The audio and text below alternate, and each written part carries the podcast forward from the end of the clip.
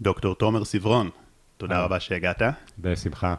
אז אתה פסיכולוג קליני, וגם דוקטור לנוירוביולוגיה ממכון ויצמן, כן. והפרק שלנו היום הוא בדיוק על החיבור בין שני הדברים האלה, הפסיכולוגיה והנפש, לבין הגוף. כתבת גם ספרים בנושא הזה, וגם אה, ככה הרבה מעבר, ארבעה ספרים, כן. ובעצם גם בסיפור האישי שלך, גם בחוויה האישית שלך, יש הרבה את הגוף ונפש. אה, מי שצופה בנו ב... בהחלט. ביוטיוב, בפודקאסט, יכול לראות שאתה גם על כיסא גלגלים, אהה. וזה חלק גם ממה שהוביל אותך בדרך הזאת, נכון? בהחלט, בהחלט. כן, הגוף הפגוע שלי הוא אה, אולי המורה הכי חשוב בחיים שלי האלה.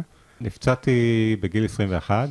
עד גיל 21 החיים שלי היו די, די שגרתיים, אבל אה, בגיל 21, אה, ממש לקראת סיום הסדיר, הייתי קצין, אה, קצין מודיעין בגדוד שריון, בדרום הרחוק.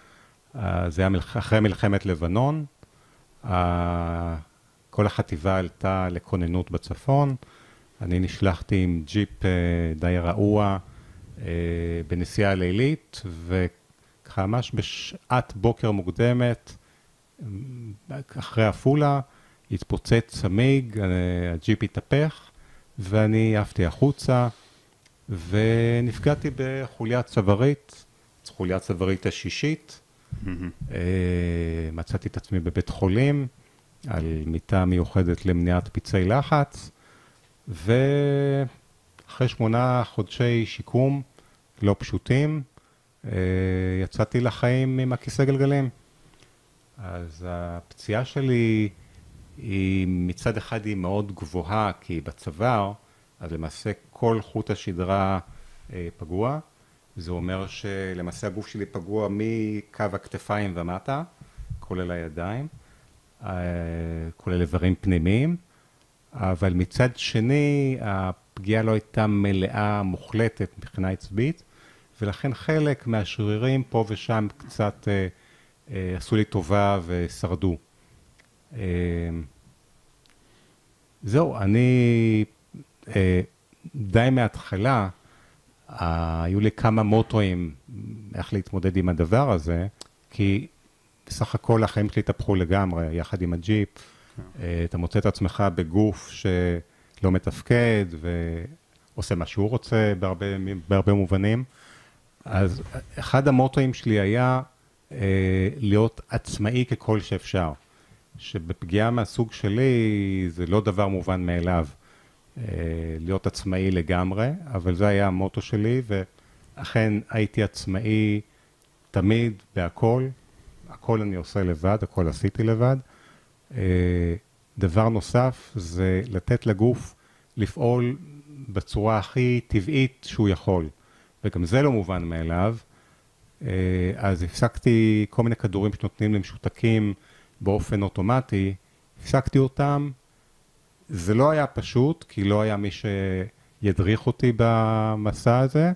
הייתי צריך לנתב ולמצוא את הדרך בעצמי, והיה שם לא מעט אה, אה, סבל כרוך, אה, כמו דחורים שיצאו לי, ניתוח דחורים בגיל די צעיר, עצירויות קשות, אבל העובדה הזאת שהחלטתי לתת לגוף לפעול באופן טבעי, היא למעשה מה ששמרה על התפקודים של הגוף. כי, כי בעצם הפציעה פגעה גם באיברים פנימיים כמו מערכת העיכול. מערכת העיכול, מערכת השתן, כל הדברים האלה הם העצבים שם נפגעו.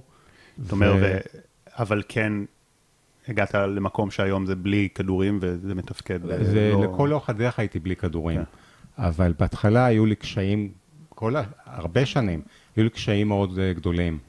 אבל אה, היום אני במצב כבר הר- הרבה שנים, אני במצב שמערכת העיכול היא, אה, אפשר להגיד שהיא הבריאה, ומערכת העיכול שלי היום היא יותר טובה מאצל רוב האנשים, בוודאי יחסית לפגיעה שלי, וכנ"ל מערכת השתן, זאת אומרת, דרך ההתמודדות הזאת אז לא הבנתי את זה, היום אני רואה את זה בדיעבד, ואני יודע שזו הייתה מתנה מאוד גדולה, כי קודם כל זה אילץ אותי להקשיב לגוף.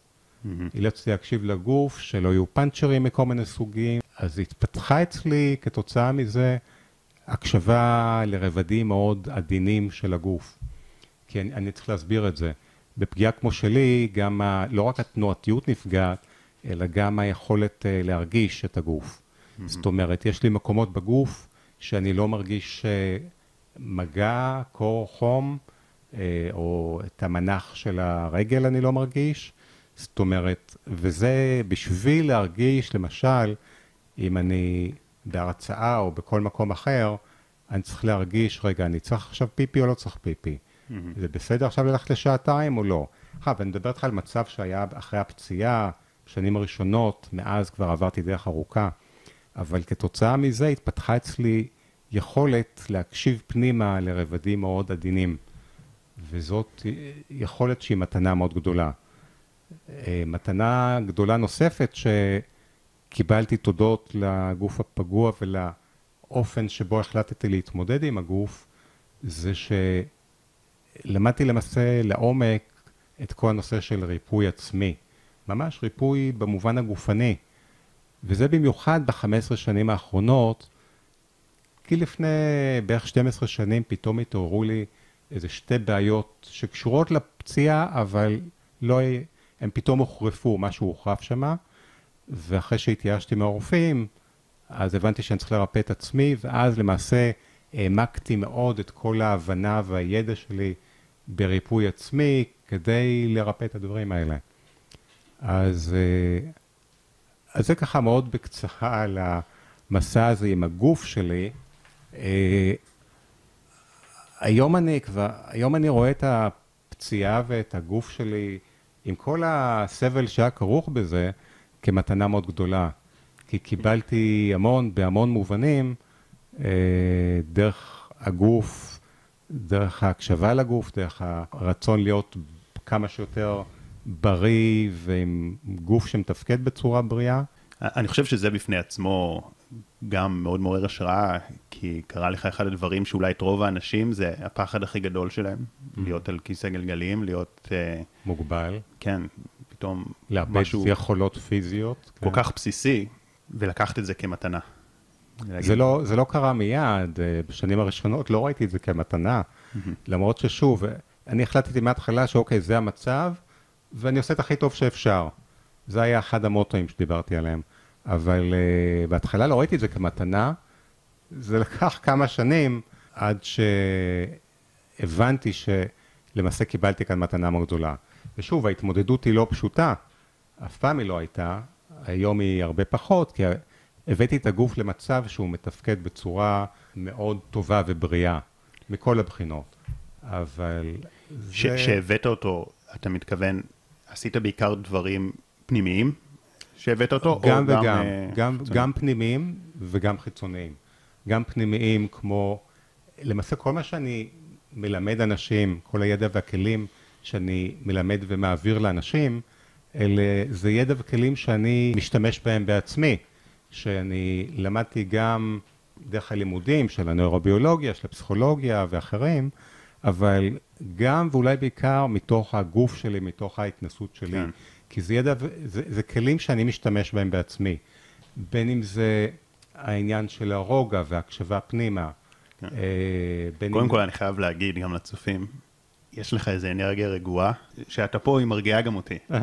גם רגוע, וגם, והיה לנו עוד אה, לפני זה... הרבה בלאגן. כן, הכי לא צפוי, כאילו שאני עושה הרבה זמן פודקאסט ופתאום מישהו לקח מצלמה וזה, ואנרגיה מאוד רגועה, כאילו שגם עם השראה. ש, שגם לא משנה גם מה מסביב, אולי זה גם חלק מזה שכאילו עברת כל כך הרבה, שכאילו שום דבר כבר לא... אה, אבל אני לא חושב, כי, כי יש אנשים שעוברים הרבה, ואז הם רק יותר נלחצים ועם סף יותר נמוך, אבל בזכות העבודה הזאת והגישה. בהחלט, זה לא באוטומטית אה, אחרי פציעה כזאת בכלל לא, כן. אבל זה בזכות העבודה המתמשכת אה, שעשיתי, אז את הידע הזה, אני משתמש, את הכלים האלה שאני משתמש בהם בעצמי, בין אם זה הנשימות שאני מלמד בצורה מאוד מסוימת, בשביל לחזק את הרוגע, את המערכת העצבית הפרסימפטית שאחראית על הרוגע, בין אם זה ההיפנוזה העצמית, בין אם זה להיות בהתבוננות אה, על המחשבות, אה, על התחושות הגופניות, על הרגשות, כן. ולא להזדהות עם כל זה יותר מדי, אלה כל כלים שאני משתמש בהם. כי הגוף שלי לפעמים, אה, בייחוד בשנים עבר, או היום הרבה פחות, אבל לפעמים הגוף לא הרגיש מי יודע מה, אה, אבל אני למד, לימדתי את עצמי אה, להתבונן על זה, ולא להזדהות עם זה, ולהמשיך, ולהמשיך להרגיש טוב, גם אם הגוף לא מרגיש כל כך טוב. כן. אה, אז אלה יכולות שאני משתמש בהן, והיום אני מלמד אחרים. עכשיו אני אשאל אותך פה. אבל אני מלמד גם, אם, לענות לשאלה שלך, אני מלמד אחרים גם כלים מאוד גופניים, או, או יותר קונקרטיים, לצורך הריפוי. אה, כך שזה זה בא מכל הכיוונים. כן. עכשיו אני אשאל אותך רגע, אמרת איזה נקודה שאתה למדת שגם אם משהו בגוף לא נעים, אתה יודע להכיל את זה דרך, כי אתה יודע להתמודד עם המחשבות ואתה יודע להרגיע את עצמך. זה בפני עצמו, קודם כל, בעל ערך אדיר, כן? Mm-hmm. עשיתי פה פרק עם היפנותרפיסט, שבאים אליו אנשים, נגיד, עם כאבים. Mm-hmm. אפילו אם יש לך כאב שאתה יודע שהוא זמני, כמו עקירה, או כמו אחרי איזשהו ניתוח, גם רק לדעת להרגיע את הכאב ולהתמודד איתו, זה בעל ערך ויש תעשייה שלמה של כדורים. Mm-hmm. אני רוצה לשאול אותך עוד שאלה בהקשר הזה. האם אתה יודע גם לעזור להתמודד עם הבעיה הקיימת ולקבל אותה, או גם ליצור ריפוי של ממש? גם וגם, גם וגם. Uh, כמו שאתה בטח יודע, יש, יש דברים בחיים שלנו שהם בלתי ניתנים לשינוי. נכון. כמו העובדה שאני על כיסא גלגלים, ולכל אחד כן. יש את הדברים בחיים שלו שהם uh, עובדות, אי אפשר לשנות אותם. כן. אז קודם כל זה את הדברים האלה לדעת לקבל. כן. Uh, בין אם זה הורים, בין אם זה uh, דברים בחיים, בחיים שלנו אחרים. זה חשוב מאוד בפני עצמו, כן. לדעת לקבל את הדברים שאי אפשר לשנות. נכון, יש את המשפט המאוד מפורסם של אלוהים תן לי את הכוח, בדיוק. לקבל בשלווה את מה שאני לא יכול לשנות. ואיך זה הולך? את, את, את, את האומץ, את האומץ להתמודד לשנות. עם מה שאני כן יכול לשנות, ואת, ואת החוכמה להבדיל ביניהם. כן. אז, וכן, אני גם עוזר לאנשים לשנות את מה שאפשר לשנות, בין אם זה בעצמם, דפוסים ששולטים בהם, אמונות, התמכרויות, פחד, חרדה, וגם אם זה ליצור ריפוי, כמו שאמרתי, ריפוי כן. גופני. אם בא אליך עכשיו בן אדם עם בעיה, ובוא בוא ניקח את זה לאפילו יותר בסיסי, כי נגיד גם באמת, אתה עשית, שיקמת דברים שמערכת העצבים שנפגעו בצורה מאוד מאוד קשה, וגם לא, אי אפשר להפוך את זה לגמרי לגמרי, כי יש דברים שאי אפשר. אבל יש, רוב הבעיות בבריאות של אנשים הן הרבה יותר הפיכות. בטח נכון. שמישהו בא עם כאבי בטן, שזה מאוד מאוד נפוץ, או כאבי ראש. רוב המחלות הכרוניות הקיימות, וגם סרטן ברובו הגדול, הוא הפיך וניתן לריפוי. ואני מלמד אנשים לרפא, ולשמחתי הרבה ולמזלי הרב, אני עוזר להרבה אנשים לרפא כמעט הכל. זאת אומרת, החל מסכרת, כאבי גב, מיגרנות, דלקות פרקים, אה, קרון קוליטיס ומעי רגיז, אפשר לדבר כמובן על חרדות ודברים כאלה. כן. ממש, ממש כן. הכל. אני רוצה רגע כן להתמקד בדברים הגופניים, כי זה הרבה יותר ייחודי. Hmm. והרבה יותר אנשים מאמינים שכי, אוקיי, אין מה לעשות. אמרת קרון קוליטיס, לדוגמה, מחלה כרונית. אין מה לעשות, זאת אומרת, זה מה שמוצאים אנשים. גם סכרת היא מחלה כן. כרונית, וגם מחלות לב, ואת כל המחלות האלה, שהרפואה לא מרפאת, היא רק נותנת כדורים לכל החיים, mm-hmm. כי הרפואה היא, אה, האינטרס שלה הוא כספי. הרפואה כן. המערבית, הקונבנציונלית, למרבה הצער, אה, חוץ מרפואת החירום, שאר הרפואה אה, בגדול היא לא מרפאת, היא שומרת, היא מורידה את הסימפטום ושומרת על המצב הקיים, במקרה הטוב.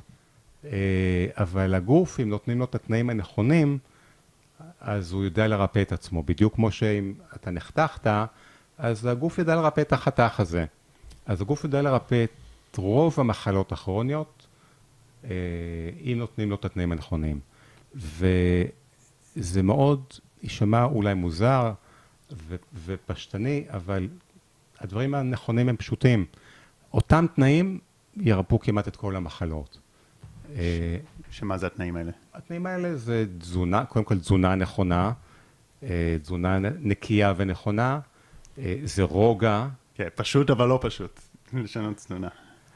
אה, לרוב האנשים זה לא פשוט, כי הם כן. כל כך אה, רגילים ומכורים לדברים מסוימים במזון. כן.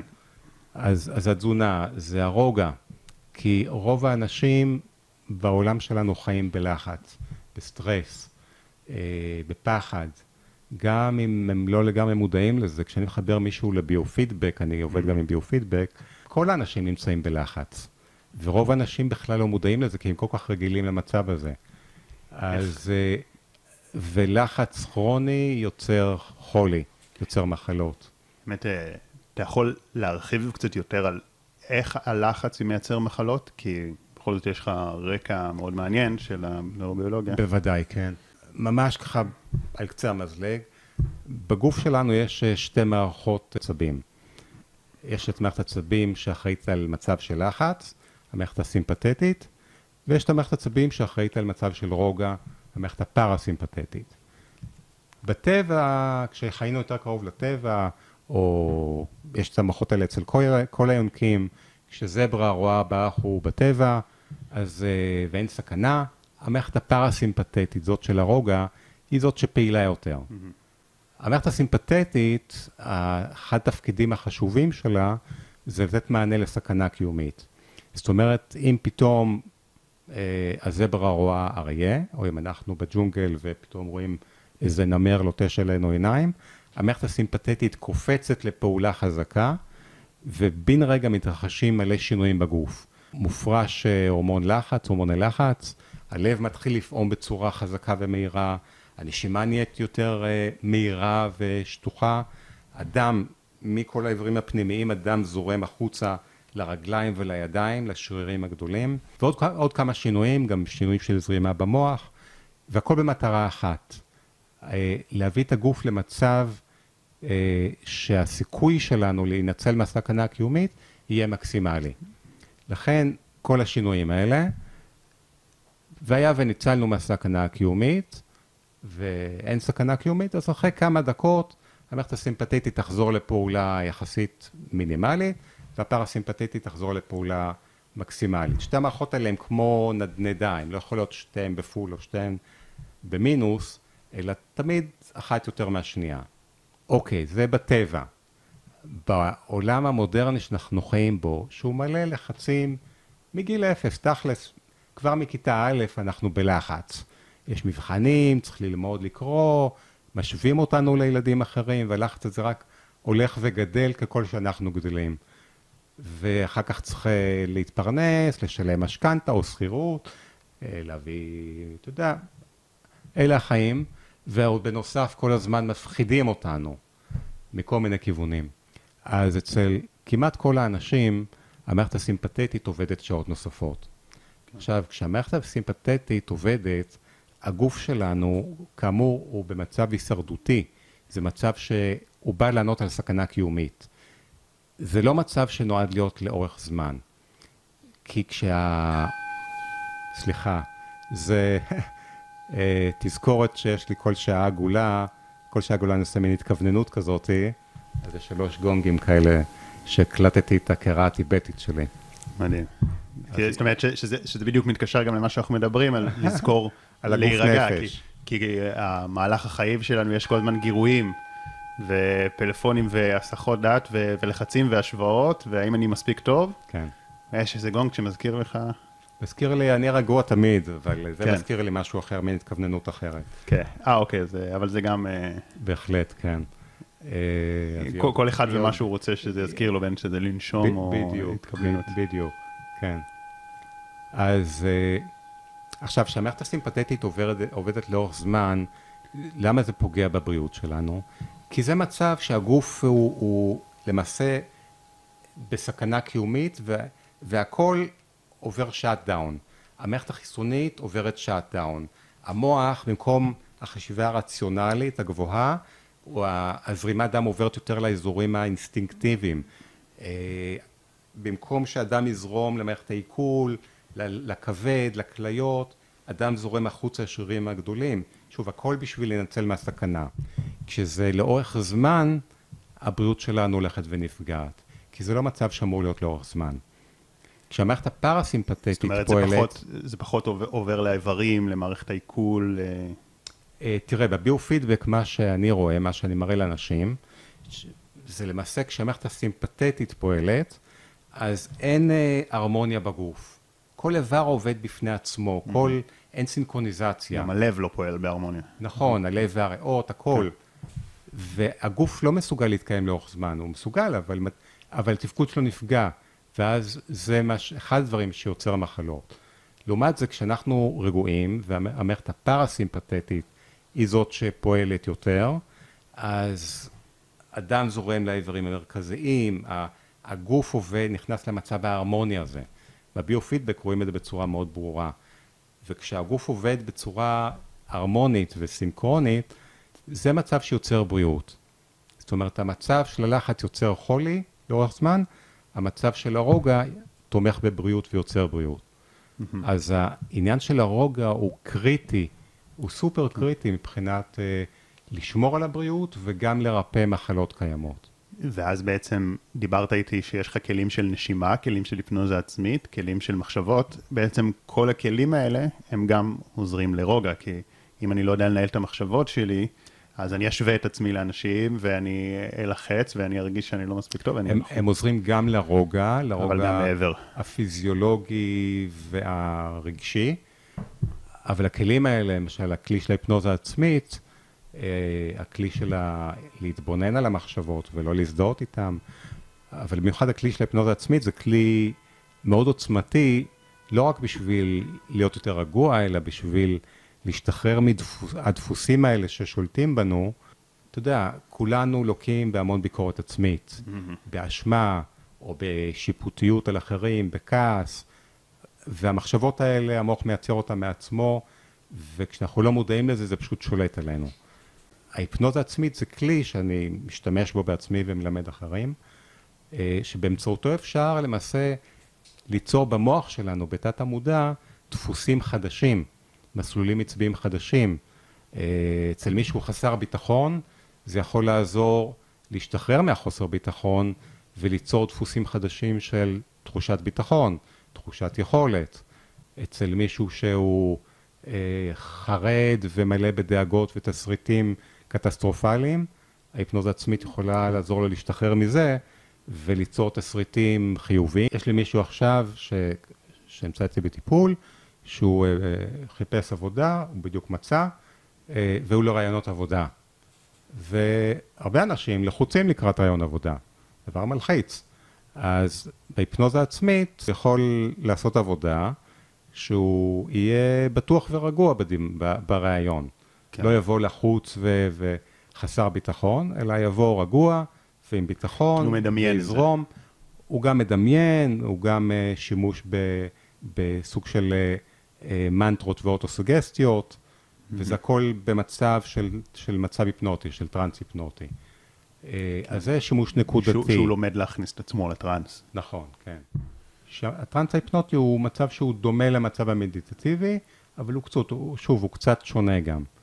כן. אז זה שימוש נקודתי. שימוש נוסף להיפנוזה עצמית, מישהו שסובל מאוד מדאגה, מחרדות, בין אם זה חרדות אה, גופניות, שהוא פוחד ממחלה, בין אם זה דאגות על הילדים שלו, או כל דבר אחר.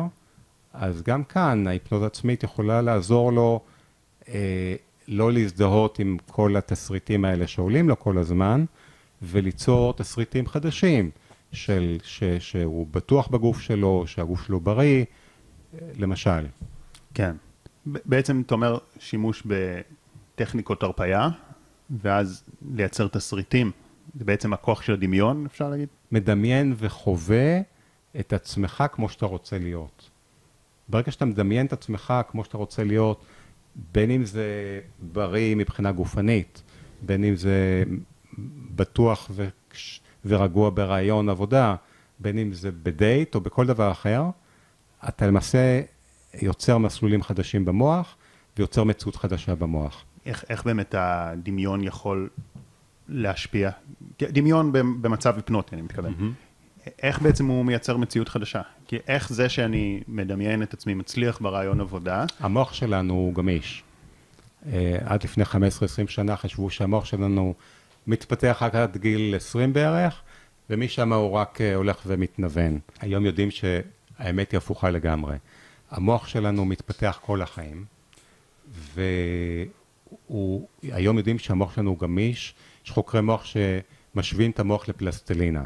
חוקר שקיבל פרס נובל הראה שברגע שעולה לנו מחשבה חדשה, למעשה נוצר במוח מסלול עצבי חדש, אוקיי? זאת אומרת, אתה, אתה מכיר את זה, שפתאום יש לך איזה מין תובנה כזאת, מין אהה כזה. מכיר את זה? Mm-hmm. ברגע שיש לך מין אהה כזה, מחשבה חדשה, באותו רגע נוצר מסלול עצבי חדש, אוקיי? המוח הוא גמיש. למעשה, אם הוא לא היה גמיש, לא היינו יכולים ללמוד שום דבר חדש. עכשיו, כשהבן אדם שהוא רגיל כל הזמן לחשוב, נגיד, מחשבות של פחד, של דאגה, של חרדה, על הילדים שלו, על הבריאות שלו, על המצב הכלכלי שלו, ואלה המחשבות הדומיננטיות שלו. כשאני מלמד אותו להיכנס למצב ההיפנוטי, במצב ההיפנוטי התת מודע הרבה יותר פתוח, הרבה יותר אפשר ליצור בו שינויים. זה, זה אחד העוצמות של ההיפנוזה העצמית.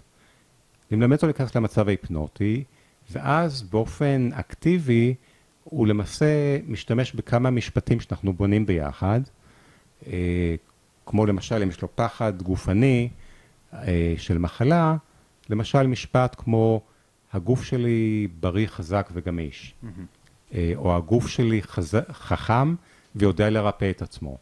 שזה נכון לגמרי, הגוף שלנו חכם ויודע לרפא את עצמו. אז במצב ההיפנוטי הוא משתמש במשפטים האלה, הוא חוזר עליהם.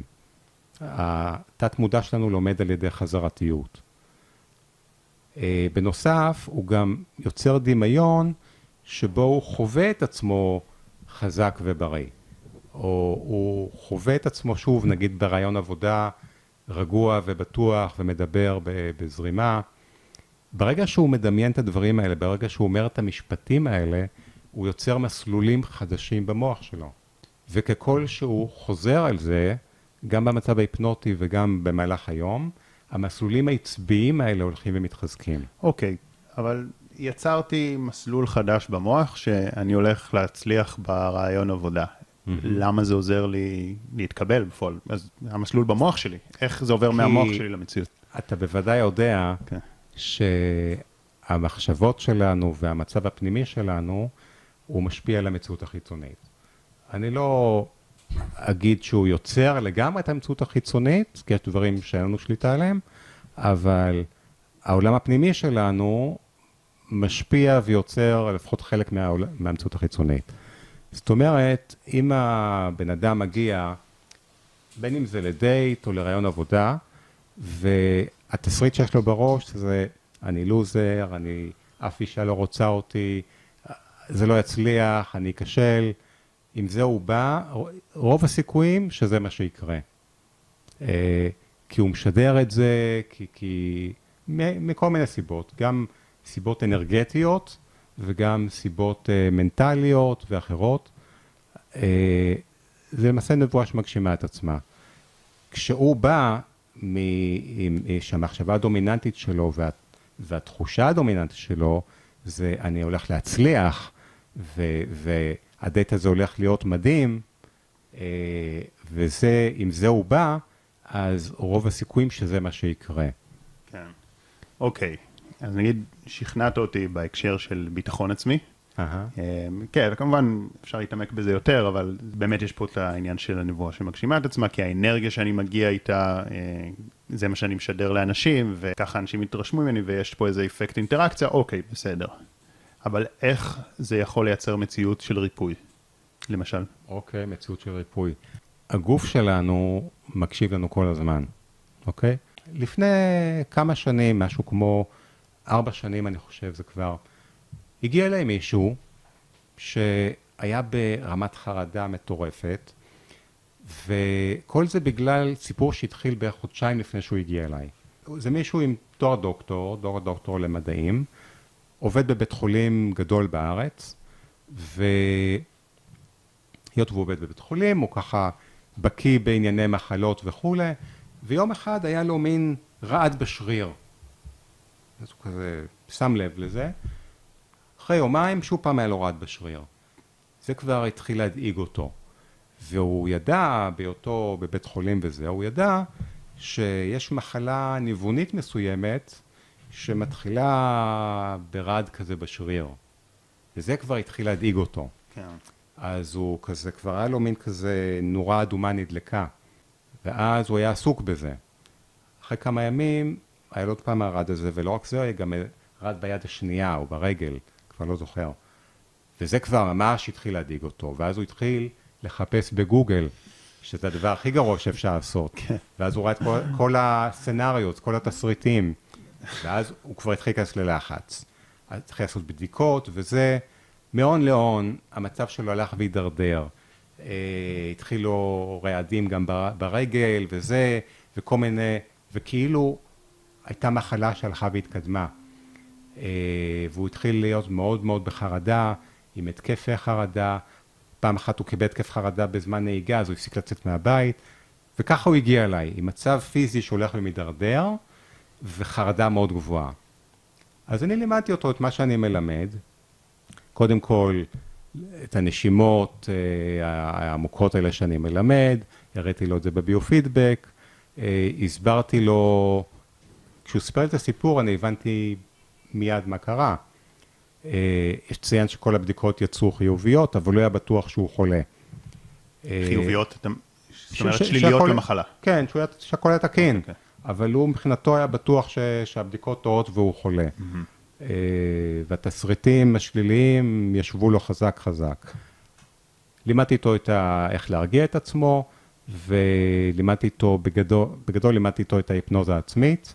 הוא הלך הביתה והוא עשה עבודה, ואחרי שבועיים שלושה, אה, הוא בא אליי איזה פעמיים שלוש, אחרי שבועיים שלושה חודש, אה, החרדה עברה לו כי הוא תרגל את הנשימות האלה שמחזקות את מערכת העצבים המרגיעה, ולמעשה כל הסימפטומים האלה של המחלה, כמו ברוורס, הלכו ו... ונעלמו. ואחרי חודש, חודש וחצי, הוא חזר לבריאות מלאה, חזר לעבודה, ו... והכל נעלם.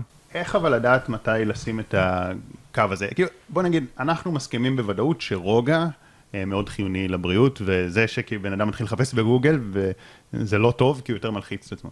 אבל, אבל מצד שני, וגם בכלל, להגיע לבתי חולים, להגיע לבדיקות, זה מלחיץ, זה לא נעים, זה לא כיף, גם לפעמים רופאים מתחילים לעשות טיפולים, לעשות CT, לעשות בדיקות.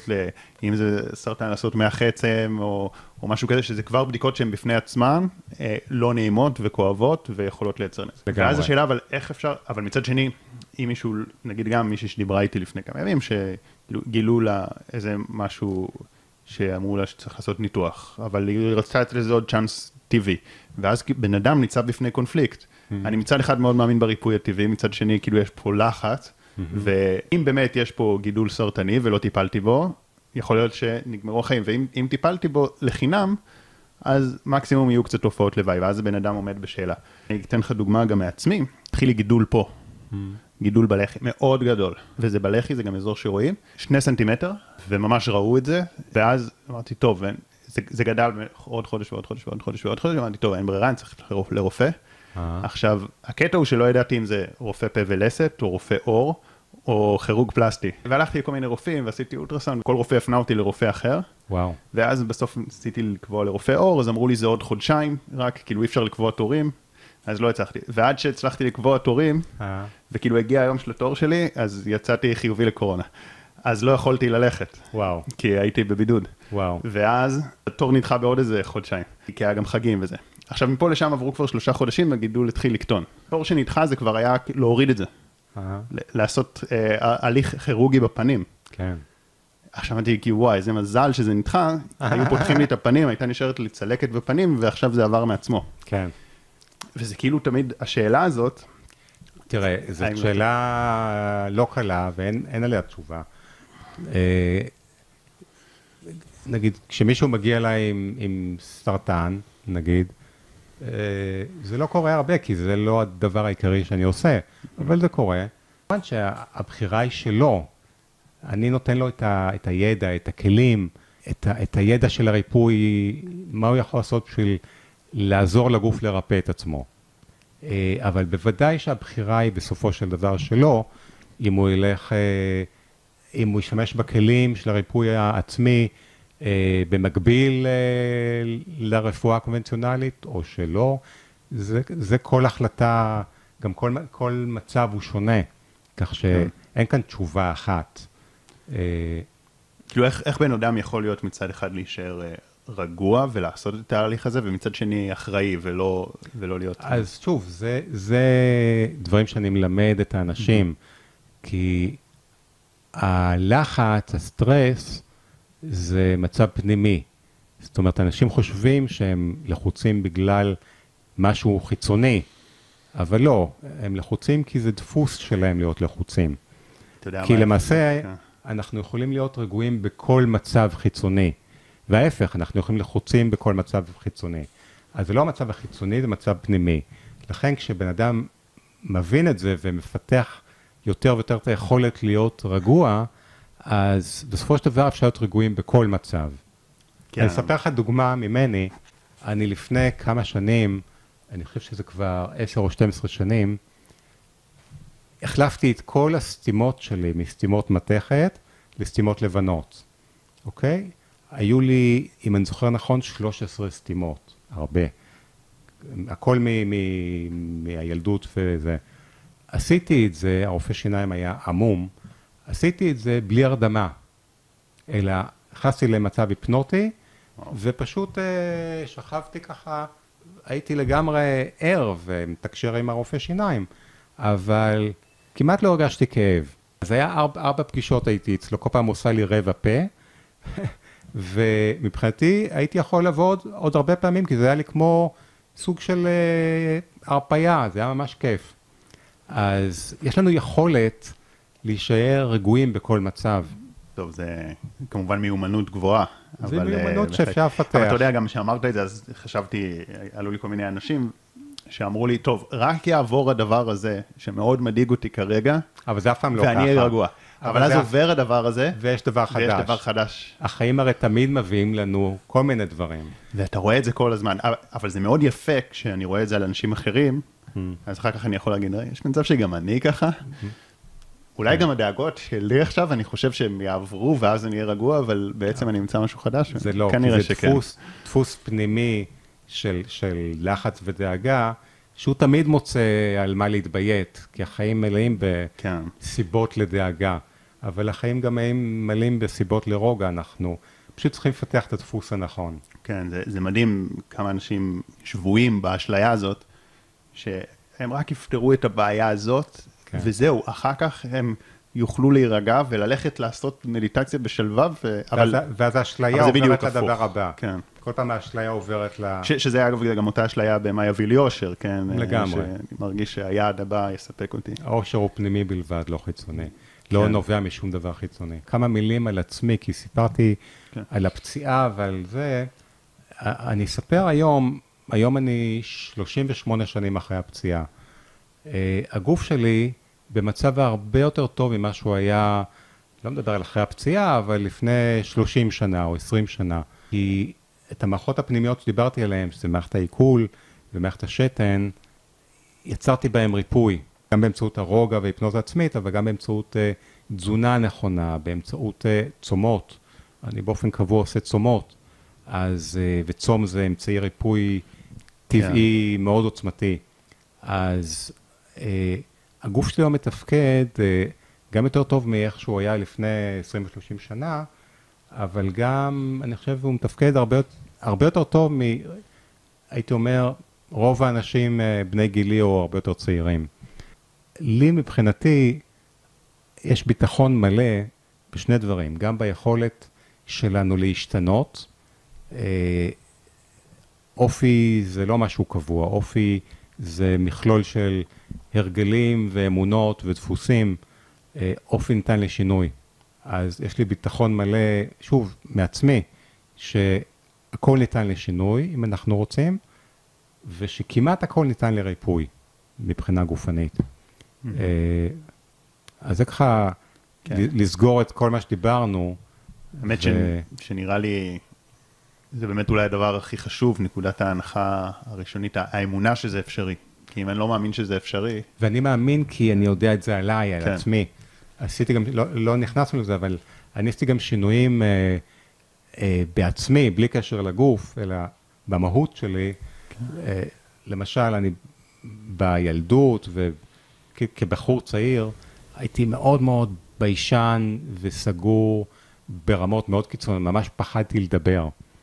אה, היום אתה רואה שאני לא ככה. אה, הייתי, בקושי קראתי, אה, הייתי כותב עם טעויות, הייתי מדבר עם טעויות, היום אני כותב. זאת אומרת, לי יש ידיעה מוחלטת שהמוח שלנו הוא גמיש בצורה אבסולוטית, הכל בו ניתן לשינוי.